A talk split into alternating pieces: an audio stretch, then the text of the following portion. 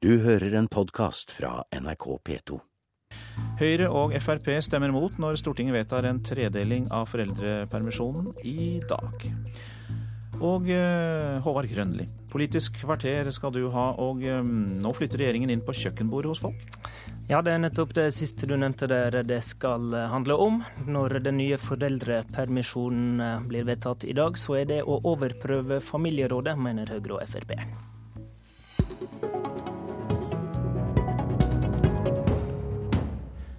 Mot opposisjonsstemmer vedtar altså Stortinget i dag såkalla tredeling av foreldrepermisjonen. Det første året skal far ha tolv uker av permisjonen, mor skal ha tolv uker. Resten av perioden er til fri fordeling.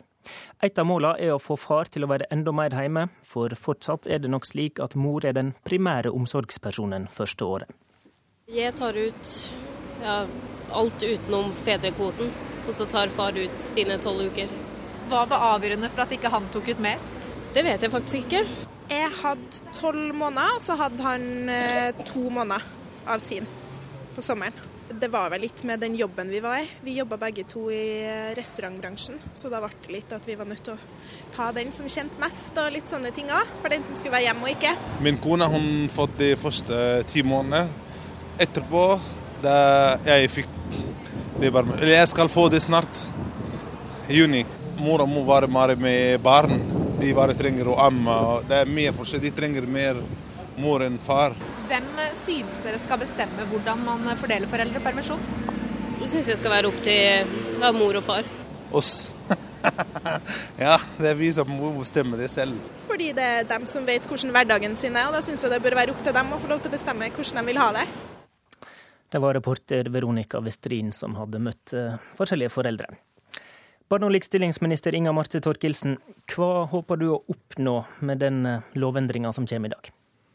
Et mer eh, likestilt foreldreskap er ett av måla, men eh, først og fremst så håper jeg at vi oppnår at flere barn får muligheten til å bli godt kjent med begge foreldrene sine.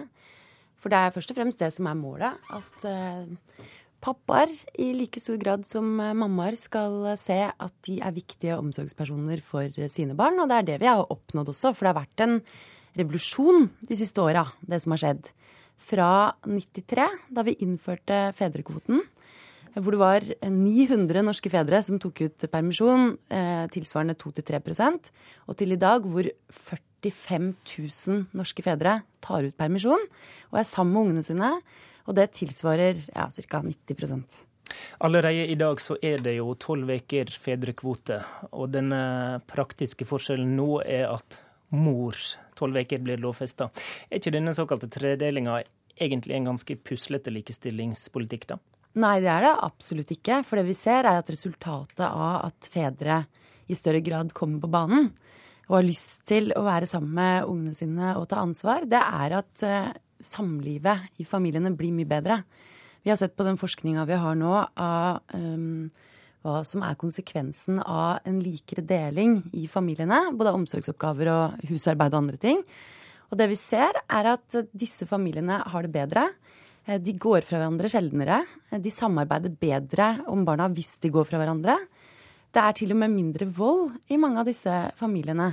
Eh, og vi ser også at eh, fedrene ønsker mer kontakt med barna sine seinere. Så det er veldig viktige sider ved denne politikken som kan virke litt kjip for noen, og det har jeg forståelse for. Jeg hører jo hva de sier her, men vi, eh, fordelene høre, er veldig mange. Da skal vi høre om det kjipe. Vi vender oss til Linna Hofstad Helleland fra Høyre. Høyre og Frp har et felles motforslag i Stortinget i dag. Dere mener slett ikke at dette puslete, derimot at det går altfor langt. Hvordan det? Altså, vi er jo opptatt av at mor og far skal ha like rettigheter. og vi er enige også for så vidt med Torkelsen i at eh, det er veldig bra at så mange fedre sjøl på eget initiativ ønsker å være hjemme med barnet for at de syns det er viktig. Men så er Frp og Høyre uenige, da, og det er de to ting som, som skiller oss. og Det viktigste er jo at eh, vi ønsker mer valgfrihet, mer eh, fleksibilitet. Eh, Regjeringa ønsker mer detaljstyring. Så det blir ingen kvoter med Høyre og FrPs forslag? Nei, vi ønsker at foreldrene fritt skal få lov til å bestemme det her uh, seg imellom. Og det er jo fordi at vi ser at uh, den ordninga som nå regjeringa innfører, uh, det er jo én taper i den løsninga, og det er jo ungene. Hvordan, altså, sånn taper ungene? Jo, for eksempel, altså, du har Eh, en, en, snekker som driver for seg sjøl, eh, som ønsker å bidra til verdier i samfunnet, så er jo det egentlig da veldig uheldig. fordi at hvis det er han som har hovedinntekter, som betjener huslånet, så det å da ta tolv uker med permisjon er ganske umulig for sånne i hans situasjon. Og da blir ikke de tolv ukene overført til mor. Nei, Nei barnet taper de tolv ukene. Og det som da skjer, det er jo at eh, i dag har man ikke krav for barnehageplass eller kontantstøtte før barnet er 13 måneder. Så da er det mor da, som var hjemme i ulønna permisjon. Og hvilken likestillingspolitikk er det, Torkelsen? Mm, med, det, med, det, forslaget som nå blir vedtatt, så blir det slik at en da mister uh, denne kvoten, uh, denne permisjonen sin, hvis en ikke tar den kvoten. Altså, det vi gjør i dag, er jo at kvinner får de samme rettighetene som det menn har fått. Så altså tolv uker er deres. Og det er jo også for, både for å signalisere realisere en rettferdighet i det, selvfølgelig. Det skulle bare mangle om ikke kvinner hadde de samme øremerka ukene. Selv om det i praksis ikke er noe stort problem, så er det et signal også om at permisjonen ikke tilhører en av partene. Men ser du ikke at det kan ha en økonomisk konsekvens, som Helleland sier, at eh, kanskje ikke alle familier kan se seg råd til dette? Ja, og fortsatt så eh, er det noen ting som vi bør gjøre for å likestille foreldrene i større grad. Men det jeg ikke kjøper, er at det er et problem for valgfriheten til individet. Fordi at Hvis vi ser på fedrene, da, så er det sånn at kulturene Men, men Torkelsen er ikke bare likestillingsminister, er også barneminister. Og Hva syns Torkelsen om at det nå er mange barn som mister tid hjemme med foreldrene sine når det er ganske så, så må, Altså ni måneder så må det da eh, sendes bort, for å si det sånn, fordi at det ikke det ble overført til mor. Hva syns du om det som uh, barneminister? Og punkt to. I dag så er det her en sånn ordning Nei, for at departementet har ikke villet svart oss når vi spør hvor mange det gjelder. Det andre saken er at eh, i dag så får Nav en halv million henvendelser om permisjonsordninga. Den er så komplisert og vanskelig. Vi foreslår en egen nettløsning hvor foreldrene kan sitte hjemme og krysse hvilke dager man vil eh, ta ut eh, permisjon. Det koster, altså I dag koster altså 600 årsverk bruker Nav på å håndtere den kompliserte ordninga. Vil regjeringa forenkle ordninga? Vi holder på med forenklinger av den ordninga, så det kommer vi tilbake til. Men Høyre kommer uansett ikke unna det som veldig mange mennesker i dag møter som et problem, og det er forventninger som ligger til dem. Og det har gjort at fedre i alle år har vært holdt borte fra å være sammen med ungene sine. Og ikke minst at ungene ikke har blitt kjent med pappaene sine. Det er jo det som har vært bildet i Norge. Og det vil jeg bare fullføre.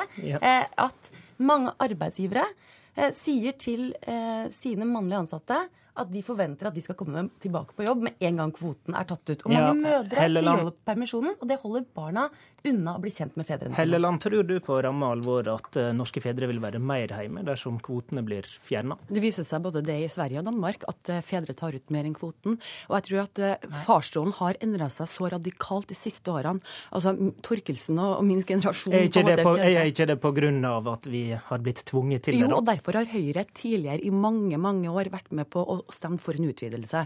Og så bestemte vi oss for to år siden at nå var tida inne for å endre dette regelverket, fordi vi tror at dagens fedre har sjøl et genuint ønske ja. om å delta i sine barns oppvekst. Og derfor Torkelsen, går ikke det ei grense for hvor mye av familielivet og familierådet du skal regulere? Jo, men altså, Det er faktisk 20-30 uker som man fritt kan bestemme hvem som skal ta ut. Men jeg syns det er rimelig frekt å komme og si at Eh, den, det er jo likestillingspolitikken som vi har ført gjennom år, som har vært aktiv, og nettopp gjennom øremerking av en del av permisjonen til fedre, som har gjort at fedre har begynt å ta ut. Det, det, er jo ikke, det er jo ikke noe som har skjedd av seg sjøl. Nei, for det er nettopp den øremerkinga som skjedde fra 1993, og som Høyre var mot fra første dag, som har gjort at vi har fått den endringa. Og, og i Danmark så vurderer de nå å innføre en fedrekvote igjen, fordi bare en fjerdedel av danske fedre tar ut permisjon. Til slutt, dette blir vedtatt i Stortinget i dag. De rød-grønne partiene har flertall. Hvis Høyre kommer i regjering, lover dere å fjerne disse kvotene, Helleland? Det viktigste for Høyre og alle de borgerlige partiene er mer valgfrihet, ikke mer detaljstyring.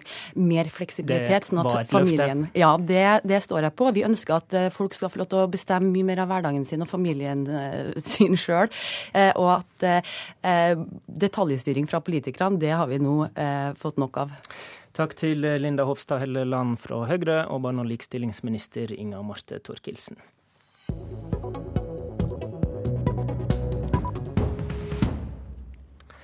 Tidligere i Dagsnytt og Nyhetsmorgen har du hørt eh, detaljene om flere av de eh, abortene som Abortklagenemnda har godkjent. Flere av disse eh, aborterte barna eh, som har vært tatt sent i svangerskapet, har hatt hjerteslag i over én time før de har dødd, har vi fortalt i dag.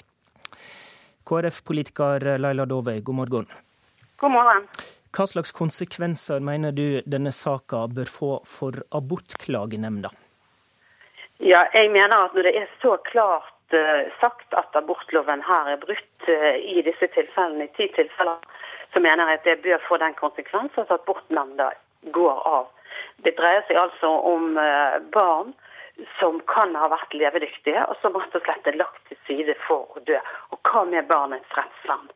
Og da mener du altså at de personene som sitter i nemnda må gå, ikke fjerne nemnda som sådan? Jeg mener at eh, de som har sittet og brutt loven, og at vi her snakker om kanskje at noen av disse barna har vært levedyktige, og så har de ikke fått mulighet til livreddende behandling, så mener jeg at nemnda bør gå av, ja. Hvorfor er dette en så alvorlig sak, slik du ser det? Det er fordi at vi snakker her om eh, senaborter. Eh, og i abortloven så er den ganske klar. består der at hvis et barn er levedyktig, også gitt intensiv behandling, så er det altså ikke lov å ta abort. Der er det barnets rett som hele tiden skal være i fokus. Hvordan reagerer du på disse fortellingene om eh, ja, hjertet som har eh, slått i nærmere en time? Nei, det er, det er forferdelig å høre. Og jeg må si at jeg er dypt takknemlig og takker helsepersonellet, jordmødre og de legene som her har slått alarm så lenge som for et år siden. Nå understreker da lederen for abortklagenemnda til VG Nett at eh, Helsedirektoratet hele tida har vært informert om deres praksis. Er det ikke da andre som ikke har eh, gjort jobben sin, og heller bør vurdere stillinga si? Ja, nå leser jeg i dag i en avis at Helsedirektoratet sier de egentlig ikke har kjent til slike enkelttilfeller. Men hvis det er riktig, så er jo denne saken enda mer alvorlig. Hva slags konsekvenser bør det Helseministeren må i alle fall ikke bare ta dette til etterretning. Hun er nødt til å finne ut hva som har skjedd, eh, hvem som har brutt loven. Og, hvis Helsedirektoratet i tillegg, eh, som har vært sekretariat for nemnda, faktisk har vært kjent med det og godkjent det, ja, så er saken meget alvorlig. Og helseministeren er den som er ansvarlig og må rydde opp. Takk til KrF-politiker Laila Dovøy.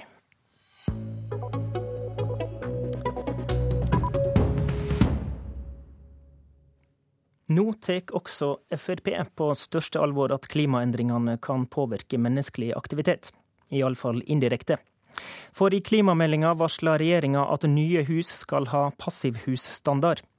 Og det kan gi uante problem, mener FrPs Gjermund Hagesæter.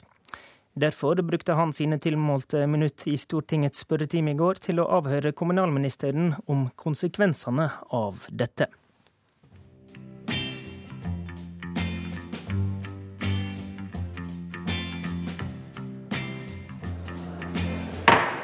Stortingets møte er lovlig satt. Her det, president. Nå er det jo slik at dette med eh, passivhus, da, så skal det altså, de skal være tilnærmet hermetisk lukka. Man skal heller ikke kunne ha vinduene åpne.